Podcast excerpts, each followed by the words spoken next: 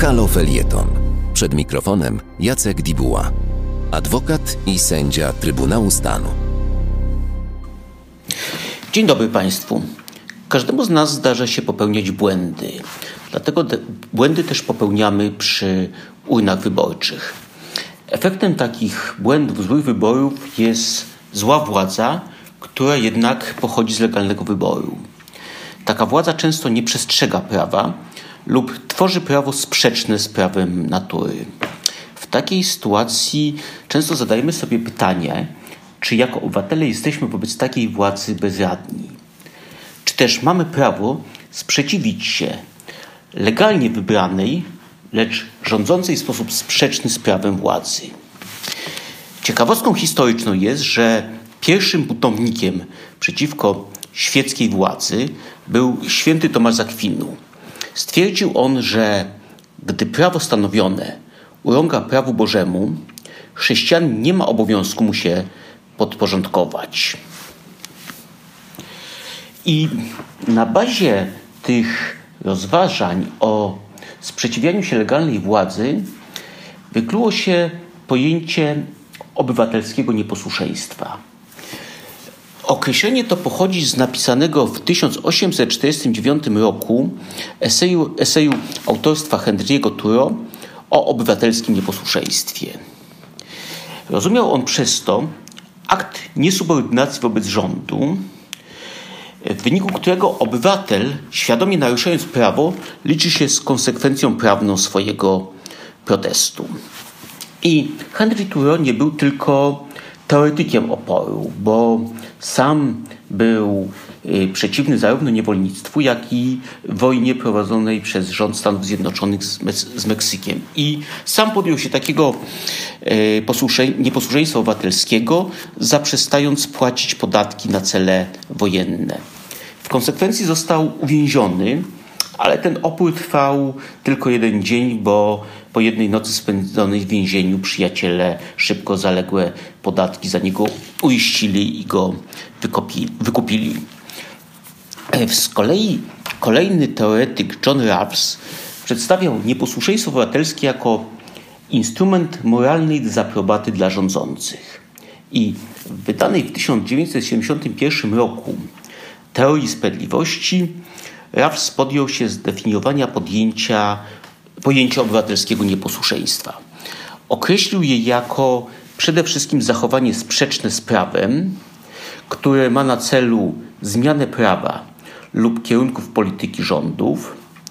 Jest to zachowanie, które ma charakter publiczny i jest dokonane bez użycia przemocy.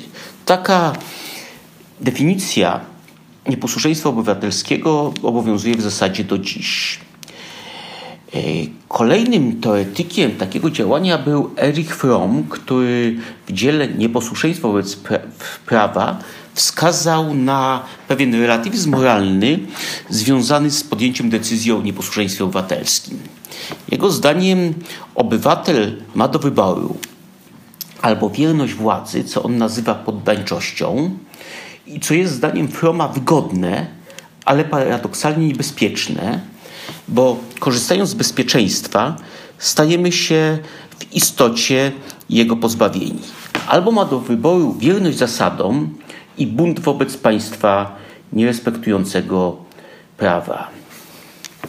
Takie zagadnienie, jak się powinno postępować wobec złego prawa, pojawiło się zwłaszcza w Niemczech po II wojnie światowej, gdzie legalnie wybrany rząd tworzył prawo, które tak naprawdę służyło eksterminacji ludzi. I w efekcie tych rozważań powstała słynna formuła Gustawa Radburucha, zakładająca, że jeśli normy prawa stanowionego w drastyczny sposób łamią prawo moralne, to takie prawo nie obowiązuje. I dzięki tej formule podważono szereg aktów prawnych, które obowiązywały w III Rzeszy.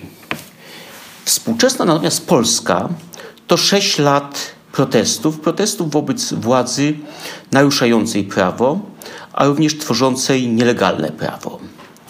I przez ten czas powstało, rodziło się pytanie, czy broniąc demokracji i decydując się na naruszanie prawa, w obronie w końcu prawa, obywatele muszą liczyć się ze skazaniem. Otóż wydaje się, że nie zawsze musi tak być. Dlaczego? Bo częste, często ograniczenia nakładane przez władze na obywateli są bezprawne, bo tworzone prawa są sprzeczne z konstytucją. Zatem naruszając zakazy, w istocie nie naruszamy prawa, bo to prawo nie jest tworzone legalne, legalnie. Od dłuższego czasu trwa też dyskusja, czy powinien istnieć kontratyp obywatelskiego nieposłuszeństwa. Działaniem w ramach tego kontratypu byłoby obrona prawa, co powinno łączyć się z wyłączeniem bezprawności takiego działania. I nawiązanie do takiego kontratypu pojawiło się w jednym z orzeczeń Sądu Najwyższego. Przy ocenie, czy do, powinno dochodzić do skazań w takich przypadkach, pojawia się również pytanie, czy taki czyn jest społecznie szkodliwy. I jest szereg orzeczeń, że takie zachowania będące działaniami w obronie prawa nie mają elementu społecznej szkodliwości. Te orzeczenia szczególnie zapadały w wyniku kasacji od wyroków wydawanych w okresie stanu wojennego. No i cóż, trzeba mieć tylko nadzieję, że taki trend będzie się i teraz powtarzał. Dziękuję Państwu. Kolejnego felietonu Jacka Dibuła zapraszamy w następny wtorek po godzinie 12.50.